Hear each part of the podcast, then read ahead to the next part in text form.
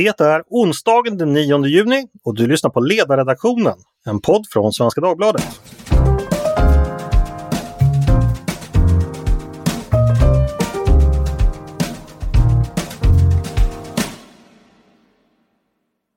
Så är det äntligen här, det utlovade förslaget om reformerad arbetsrätt som avtalades om i januariavtalet.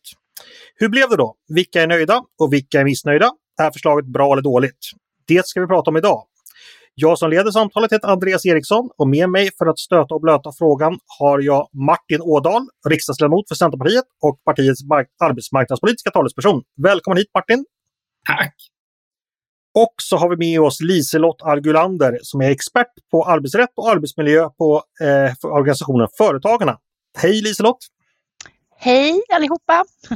Som ni hör är alla här, förutom möjligtvis Britt-Marie 45 som inte har återkommit från fikarummet. Men vi kanske kommer in på henne ändå, vi får se. Hon är ju knappast 45 Andreas, men i alla fall. Okay. Det har diskuterats mycket på Twitter. Vi får säkert återkomma till det i ett annat tillfälle. Eh, den största reformen i modern tid, sa arbetsmarknadsminister Eva Nordmark i måndags när förslaget presenterades. Jag ska bara kort rekapitulera bakgrunden så alla är med på det vi pratar om. Det började med punkt 20 i januariöverenskommelsen där det talas om att arbetsrätten moderniseras och anpassas efter dagens arbetsmarknad samtidigt som grundläggande balans mellan arbetsmarknadens parter upprätthålls.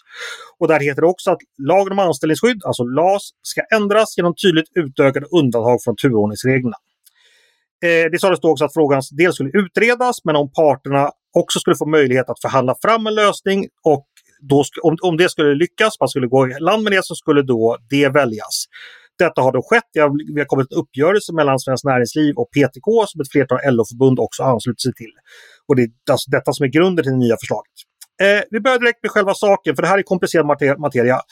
Martin, jag vet att utredningen är på över 800 sidor. Kan du ge oss en eh, väldigt kort eh, hissförklaring om vad det är egentligen för förslag som ligger på bordet? Ja, jag hoppas att det är typ Turning Torso i alla fall vi är i hissen på. Men så här, eh, det är kan man säga två delar. Dels då arbetsrätten som eh, reformeras och det är tre delar där som ska göra det lättare att anställa även de man är osäkra på. Det är att man utökar turordningsreglerna, eh, turordning, eh, undantagen från turordningsreglerna eh, eh, som idag gör att den som kommer sist in, den åker först ut. Den ökar man från två till tre personer som ett litet företag kan undanta och det behöver inte vara riktigt så lite som det var förut. Det kan vara gränsen på 10 anställda tas bort också, vilket är väldigt viktigt. Men det är två andra viktiga delar. Och sen så utöver det, ska jag säga, så har ju de här parterna då avtalat ganska många undantag i sina egna avtal. Så det blir massa andra undantag på det. Men på det är också två andra saker som är lättare att anställa. Den ena är att eh, de här så kallade personliga skälen, det som är man bedömer när man ska ha en uppsägning, att de blir mycket rakare och direktare och inte så allmänna och lite godtyckliga som är idag, vilket har verkligen varit ett stort problem för många småföretag som när de hamnat i och inte vet om de ska säga upp eller ej. Och det andra är det märkliga att man i Sverige har fått betala lön. Om man säger upp en person och verkligen har skäl till det, men det blir en tvist, då går du och som småföretagare och betalar lönen och det är ju en väldig osäkerhet.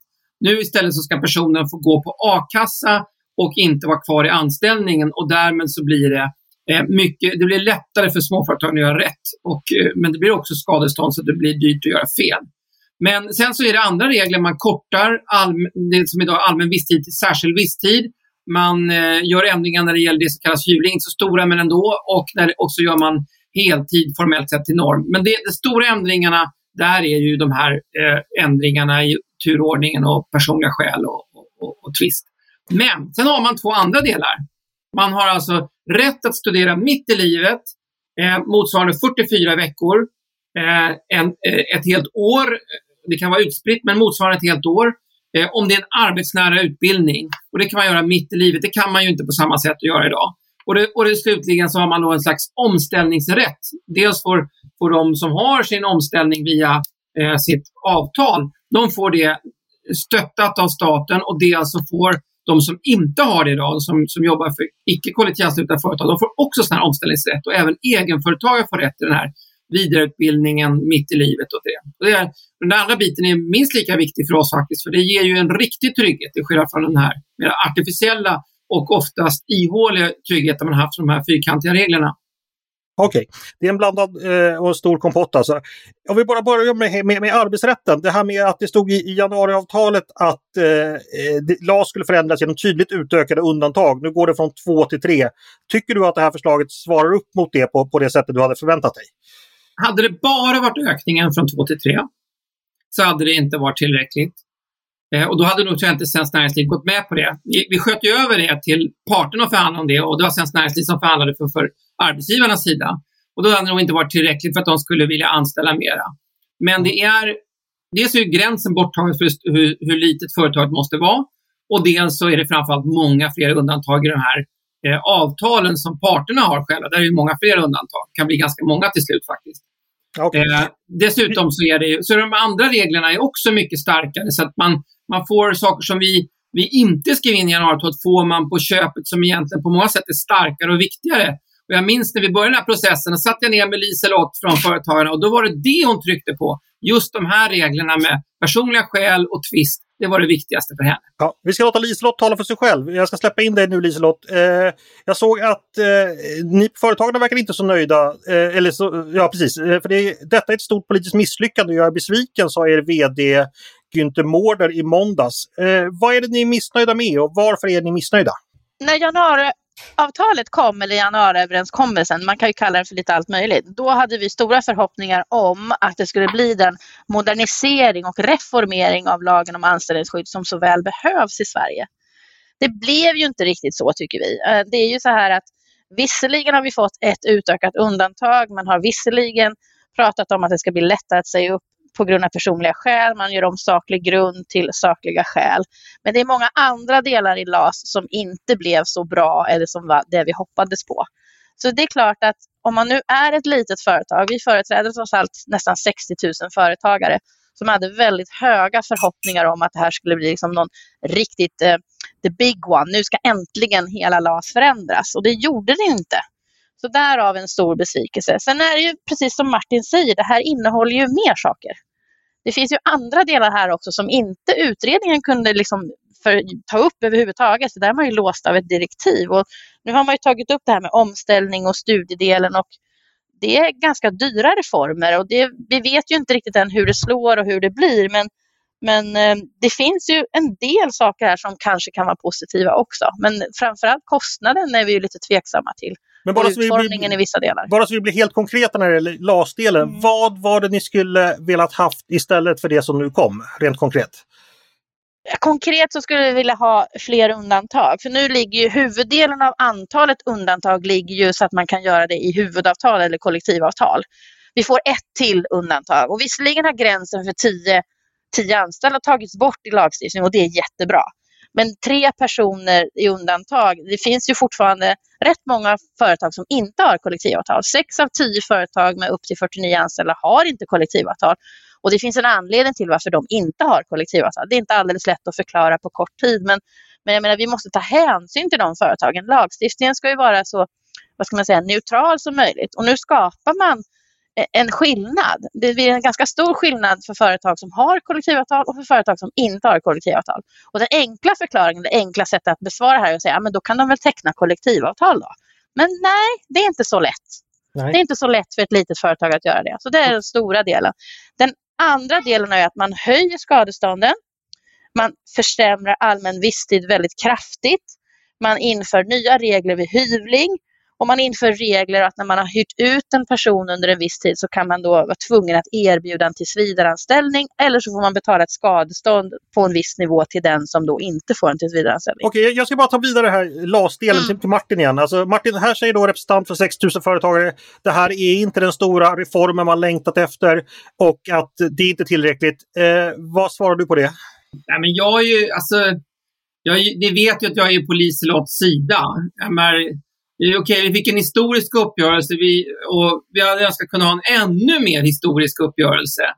Eh, där vi skulle kunna göra ännu mer saker. Det är liksom inget snack om den saken. Men man får samtidigt se vad man kan uppnå. För två, tre år sedan var det ingen som trodde att vi skulle kunna göra någonting av det här. Då var det helt oss. Vi var typ det enda partiet som gick i öknen och liksom sa men eh, parterna borde göra det här. Alla vill egentligen ha det här att man går från krångliga regler till liksom kompetensstöd istället och sådär. Att, att det är vad folk egentligen vill ha. ingen lyssnade. Jag var på ett seminarium, jag tror Liselott var med, alla bara skrattade. Och nu till slut så har man äntligen kommit åt den här knuten. Det som alla trodde man egentligen behövde göra, det blev politiskt möjligt. Så jag, jag förstår det, jag håller med det. Men sen är det också så att vi ville verkligen att det här skulle bli en grej som skulle fastna på svensk arbetsmarknad och alla partier och alla parter. Och då var det viktigt ändå att vi gav chans åt näringslivet, och Svenskt Näringsliv och, och facket att förhandla om det. Och jag kan också tycka att det är lite stygn i hjärtat att det inte är Liselott och företagarna som satt på andra sidan bordet. Vi tjatar jättemycket om det. Men samtidigt är det otroligt mycket värt att alla bara har köpt det här nu. Men nu står ju Tobias Baudin som tyckte eh, att det var så här, och det sämsta som någonsin hänt. I princip samma deal står han och säger att ja, det här måste hela LO acceptera nu. Det är det som gäller nu. Alltså det är ett enormt skifte och det tror jag kommer att betyda mycket för debatten även framöver. Så att vill man göra ändringar av den typen Liselott gör så tror jag att det är viktigt för att det, det är inte the one big en, bara, det är en, en superbig, men det öppnar liksom för ett nytt klimat så som man har i Danmark, som man har i Tyskland, där man får ner arbetslösheten genom att ha den här pragmatiska och framförallt flexibla inställningen. Ja, okej. Okay. Får jag bara eh, kommentera det lite grann? Alltså Absolut. Det, det, är viktigt det Martin säger att, att här det här hade förmodligen inte hänt om inte januariavtalet hade liksom varit för handen och Toijerutredningen hade lagt det förslag de har gjort. För det fick ju verkligen eld i baken på parterna att göra något. Jag menar, man har ju försökt förhandla det här i många, många år. Alltså LAS är ju gammal. Mm. Så det har ju varit liksom en bidragande orsak. Men man får inte glömma bort att, att man, det blir större skillnader för företag utan kollektivavtal nu och det är jag lite orolig för. Därför att vi behöver inte en sån tudelad arbetsmarknad där det enda sättet att få till fördelar och få till mera flexibilitet är att teckna kollektivavtal. För kollektivavtalen idag är ganska stelbenta. De passar ett större företag, de passar inte alltid de mindre företagen. Så jag hoppas att parterna tar sitt ansvar nu och kanske tar fram då kollektivavtal som också passar de absolut allra minsta företagen.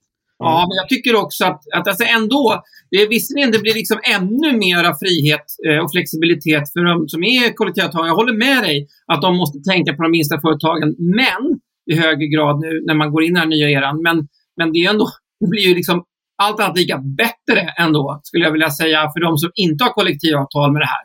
Just på grund av alla de här väldigt de här reglerna som de parterna och storföretagen har kunnat hantera ungefärligen, de har retat sig jättemycket på dem också med hur rörigt det är när man ska säga upp någon, hur mycket med tvisten och allt det där. Och som har lett till att man nästan ofta, ofta ger avgångsvederlag bara för att bli kvitt det, om man ska vara ärlig.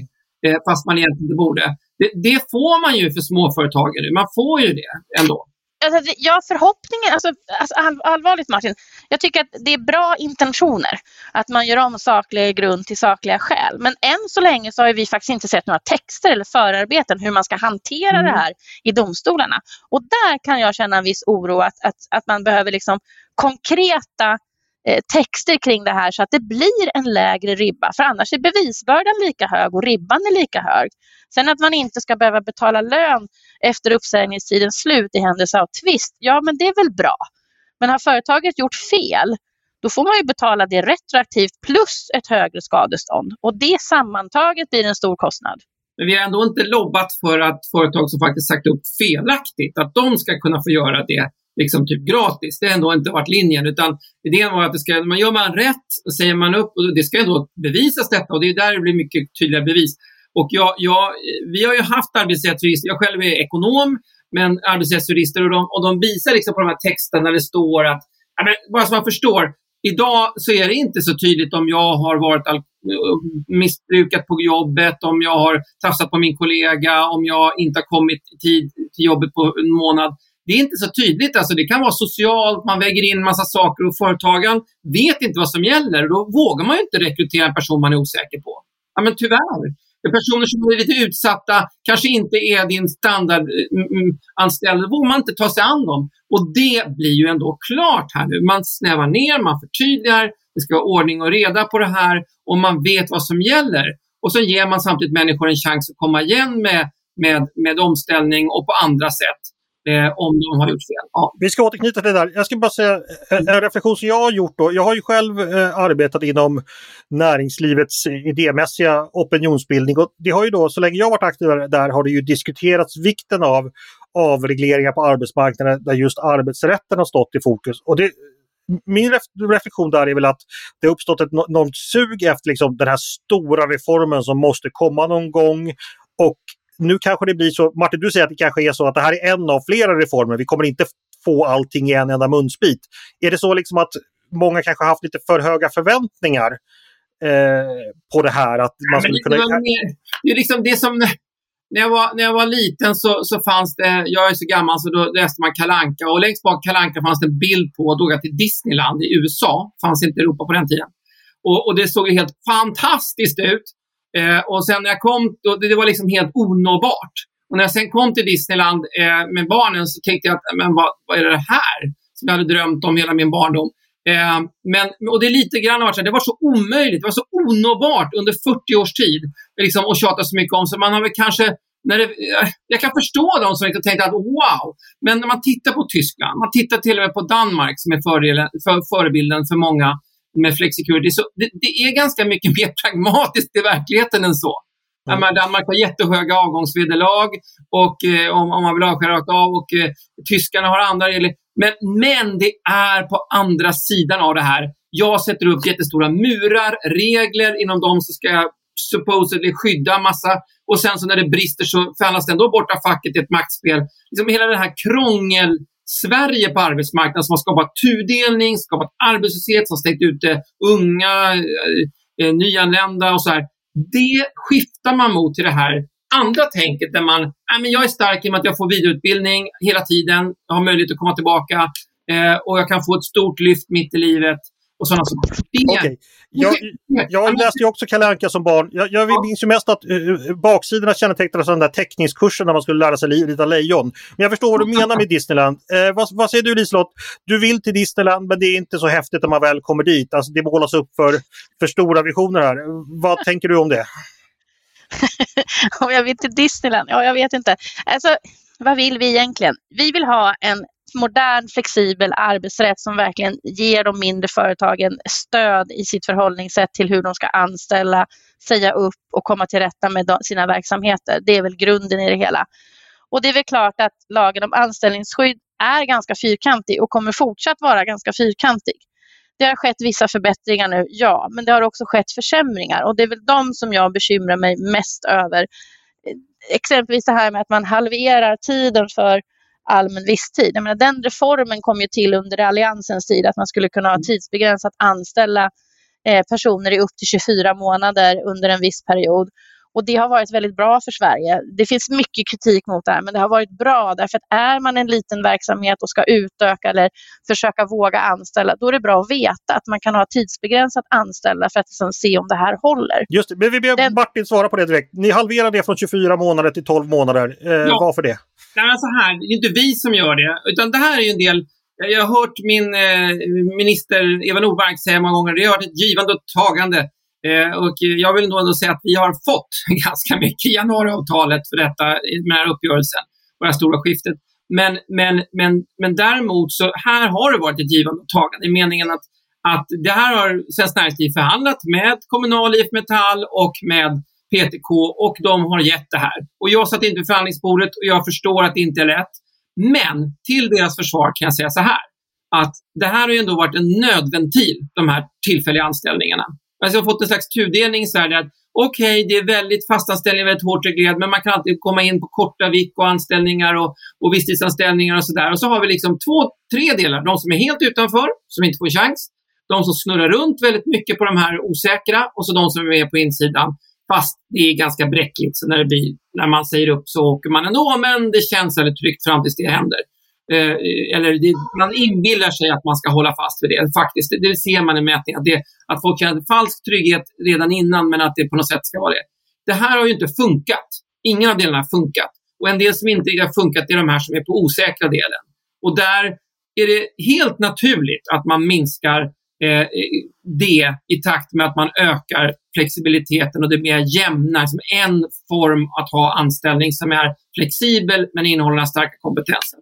Jag vill bara säga att, så att jag tycker det finns en viss logik i det, men vi hade gärna behållit eh, allmän visstid 24 månader även fortsatt. Men okay.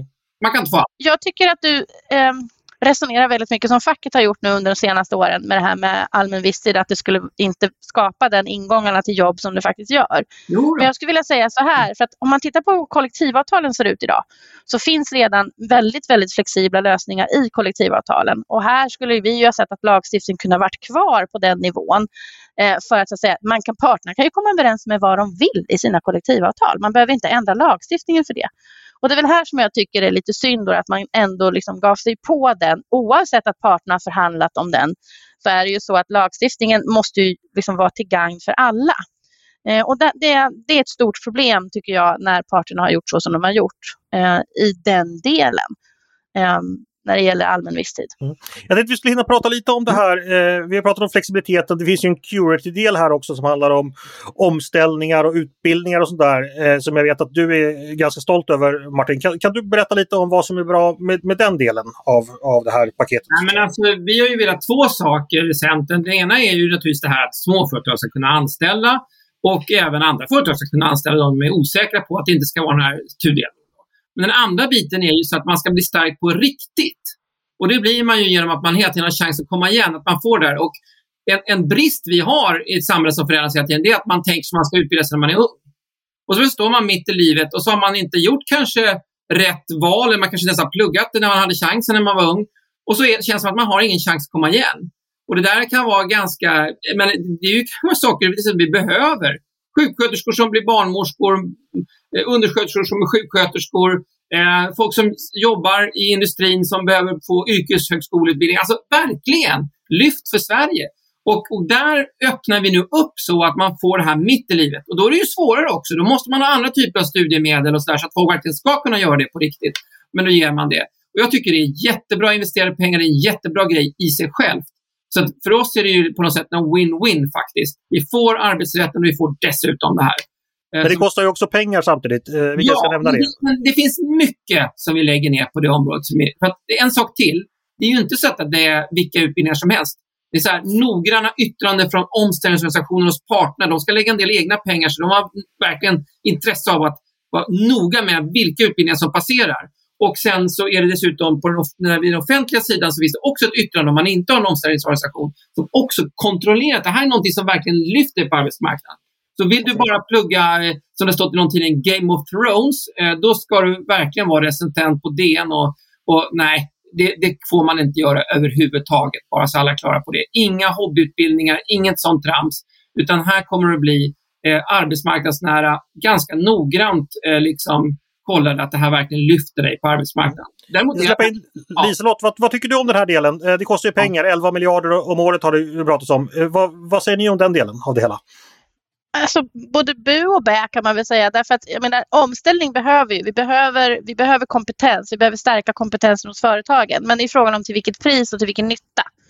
Jag tycker att utbildningsansvaret för att vidareutveckla sig det behöver ligga också på individen. Och idag har vi ett studiemedelssystem. Man kan vara studieledig för i princip vad som helst och kunna studera. Sen förstår jag att det är svårare när man har familj och kommer upp i åldern och man har försörjningskrav. Då är inte studiemedlen och studielånen så himla attraktiva.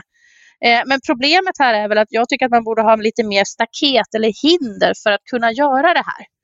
Nu kan man göra det efter en relativt kort kvalificeringstid. Man kan göra det väldigt högt upp i sin ålder. Jag menar här kan man, om det är mm, lämpligt, så kan man ju då ända upp till 65 år fyllda ta de här 44 veckorna och omskola sig. För tanken med det här är ju så att, säga att man ska kunna egentligen utbilda sig och omskola sig så att man kan behålla sitt jobb eller ta ett annat jobb. Eh, och då tycker väl jag att man kanske inte använder samhällets pengar på rätt sätt när det blir så här dyra kostnader. Ehm, 11 miljarder, det är vad man räknar med nu att det ska kosta, men vi vet ju faktiskt inte hur det kommer se ut i framtiden och vi vet ju inte liksom vilka budgetåtaganden som regeringen måste göra för att det här ska gå i uppfyllelse. Vi är ju inne i, efter en pandemi nu, en ganska djup lågkonjunktur. Vi måste få fart på Sveriges hjul och det får inte kosta allt för mycket det här. Så att vi är nog lite tveksamma. Men både bu och bä. Vad säger du Martin om det? Alltså, det kostar pengar och 65-åringar och det är inte tillräckligt. Det, det, är helt enkelt fel investerade pengar om man tar bort incitamenten från individen. Hur bemöter alltså, du det? Än en gång, nog, vi får läsa det här noggrant tillsammans Liselott, för det är inga 65-åringar som får det här. Det är en trappa in. Det är bara verkligen om man kan förlänga arbetstid man får det. Eh, och då är det verkligen, det är ju en bra sak om man kan det, men det är väldigt begränsat när det är högre upp, liksom efter 60 då. Det som det är uppbyggt. Och sen så dessutom så får man inte, alltså det är väldigt tydliga ramar kring det här. Än en gång. Men sen är det också så... Vi får hoppas det. Ja, och sen är det dessutom så att just i pandemin, när det är så stor strukturomvandling, man pratar ju redan om att oj, oj, oj, här är alla flygvärdinnor som måste bli, bli sjukpersonal, sjukvårdspersonal. Här är de som måste flytta från den sektorn till den sektorn. Vi är mitt uppe i det. Det är typiskt och pandemin. Jag är så nöjd över att alla de här omstartskommissionerna och analyskommissionerna säger att vi ska ha stora strukturreformer. Det, det och, och, det är liksom det som Assar Lindbeck sa under alla år, vår främsta ekonom, som jag varenda gång jag träffade honom så var det insider outsider och vi pratade om det. Eh, jag tycker att, och nu, allt det som folk har sagt precis man behöver i en kris, det får vi ju nu ändå i form av grundläggande strukturreformer. Så att dels den här att det blir flexibiliteten och dels det. Så just i pandemin av alla tider så är det här mest, mest påkallat tycker jag. Eh, så att, eh, ja, jag, jag, jag, tror att våra, bara en kommentar, jag tror att våra företag skulle säga så här att de behöver få igång hjulen och snurra och de ja. behöver bli av med restriktionerna och de behöver kunna bedriva ja. sina verksamheter. Ja. Inte skicka iväg människor på utbildning. Ja, ja men here, here, alltså det, det har vi i Centerpartiet drivit på med frenesi mot regeringen eh, och i riksdagen och på alla möjliga sätt. Eh, dels att få en ordentlig exitstrategi, ordentliga ersättningar och, eh, eh, och få ordning liksom, på utbetalningarna som har varit fördröjda och allting. Det vi vet, vi har ju kämpat på. Vi vill ha fortsatta mm. liksom, skattesänkningar som lyfter småföretagen in i återhämtningen och på många olika sätt. Så där är vi helt ense, men, men det här är ju bra i botten. Ja. Jag skulle vilja be er liksom öppna, eh, lyfta blicken lite bort från dagspolitik eh, och januariavtal och vad som ligger på bordet nu. Om ni tänker er då liksom mer eh, hur skulle ert idealläge när det gäller arbetsmarknaden se ut? Och ni får tänka så att säga fritt eh, och ta, plocka in andra exempel från omvärlden eller sådär. Hur, hur skulle svensk eh, arbetsrätt och arbetsmarknadslagstiftning se ut om säg tio år? Och ni får bestämma helt fritt. Vad säger du Liselott? Ja, alltså vi har ju drivit på och drivit länge att man behöver en total reformering av lagen om anställningsskydd. Och i den, i den delen ligger ju att vi har ganska höga beviskrav. Vi har ganska höga normer för hur man kan avsluta en anställning och så vidare. Och det blir kanske något bättre nu, men inte fullt ut. Jag skulle säga att man går mer mot den lösning som man har exempelvis i Danmark. I Sverige har vi liksom låst fast oss. Vi låser in människor i anställningar som kanske egentligen behöver byta jobb och gå vidare. Nu blir det lite förbättringar, men jag tror fortfarande att vi behöver göra en lite större reformering så att det inte blir så vad ska man säga, skämmigt eller jobbigt att byta jobb helt enkelt. Vi behöver mer rörlighet på arbetsmarknaden och då är inte LAS så som den nu är utformad eller då efter 2022 kommer att vara utformad den optimala lösningen. Martin, om du får samma fråga, du får tänka helt fritt bortsett från det förslag som ligger på bordet. Vart vill du att vi hamnar om, säg, tio år? Ja, återigen, det var historiskt. Det kanske kunde varit ännu mer historiskt. Eh, det var eh, en dröm. Det kanske kunde varit ännu mer dröm. Men, men så här, jag tänker så här att jag tycker, jag håller med Liselott. Jag tycker att vägen Danmark har gått, när man träffar facket och arbetsgivarna där så står de sida vid sida och berättar hur bra det är. Det är flexibelt, det är stark omställning och vidareutbildning. Det är inte så mycket krångelregler, men det är samtidigt en väldigt grundläggande trygghet i alla system de har. Det är så dit vi ska komma. Men det här är det stora steget mot det. Nu har liksom mentaliteten skiftat i Sverige på det här, hos alla. Och det, och det man märkt att det hände i Danmark, man ser på dem själva, då, då märker man att då löses så många knutar upp. Men ett annat land som jag också är imponerat av ändå, det är Tyskland. Man hade Europas högsta arbetslöshet. Det var högt i Danmark också innan. Nu har man Europas stort sett lägsta arbetslöshet. En fantastisk resa. Och det, de gjorde det med så här stegvisa eh, reformer med kraft. Det kallades nyliberala fast de inte var det, de var socialliberala. Men med kraft, men pragmatiska och de nådde fantastiska resultat. Stort tack för det hörni! Eh, vår tid är därmed ute. Det har varit jätteintressant att lyssna på. Det är ju inte helt lätt materia kanske att ta till sig så att det är nog många som får läsa på och lyssna på fler debatter. Eh, stort tack Martin Ådahl från Centerpartiet! Tack! Stort tack Liselott Argulander från Företagarna! Tack så mycket! Och jag ska också tacka för mig för ni har lyssnat på Ledarredaktionen, en podd från Svenska Dagbladet. Eh, hör gärna av er till redaktionen med tankar och synpunkter på det vi precis diskuterat. Eh, och om ni vill höra mer om den här frågan i framtiden. Jag, på förhandsnacket här så sa Martin att han jättegärna vill återkomma och prata mer i framtiden. Så det kan säkert bli aktuellt. Maila då till ledarsidan snabel svd.se. Tack för idag! Producent har varit Jesper Sandström. Själv heter jag Andreas Eriksson. Jag hoppas att vi hörs igen snart.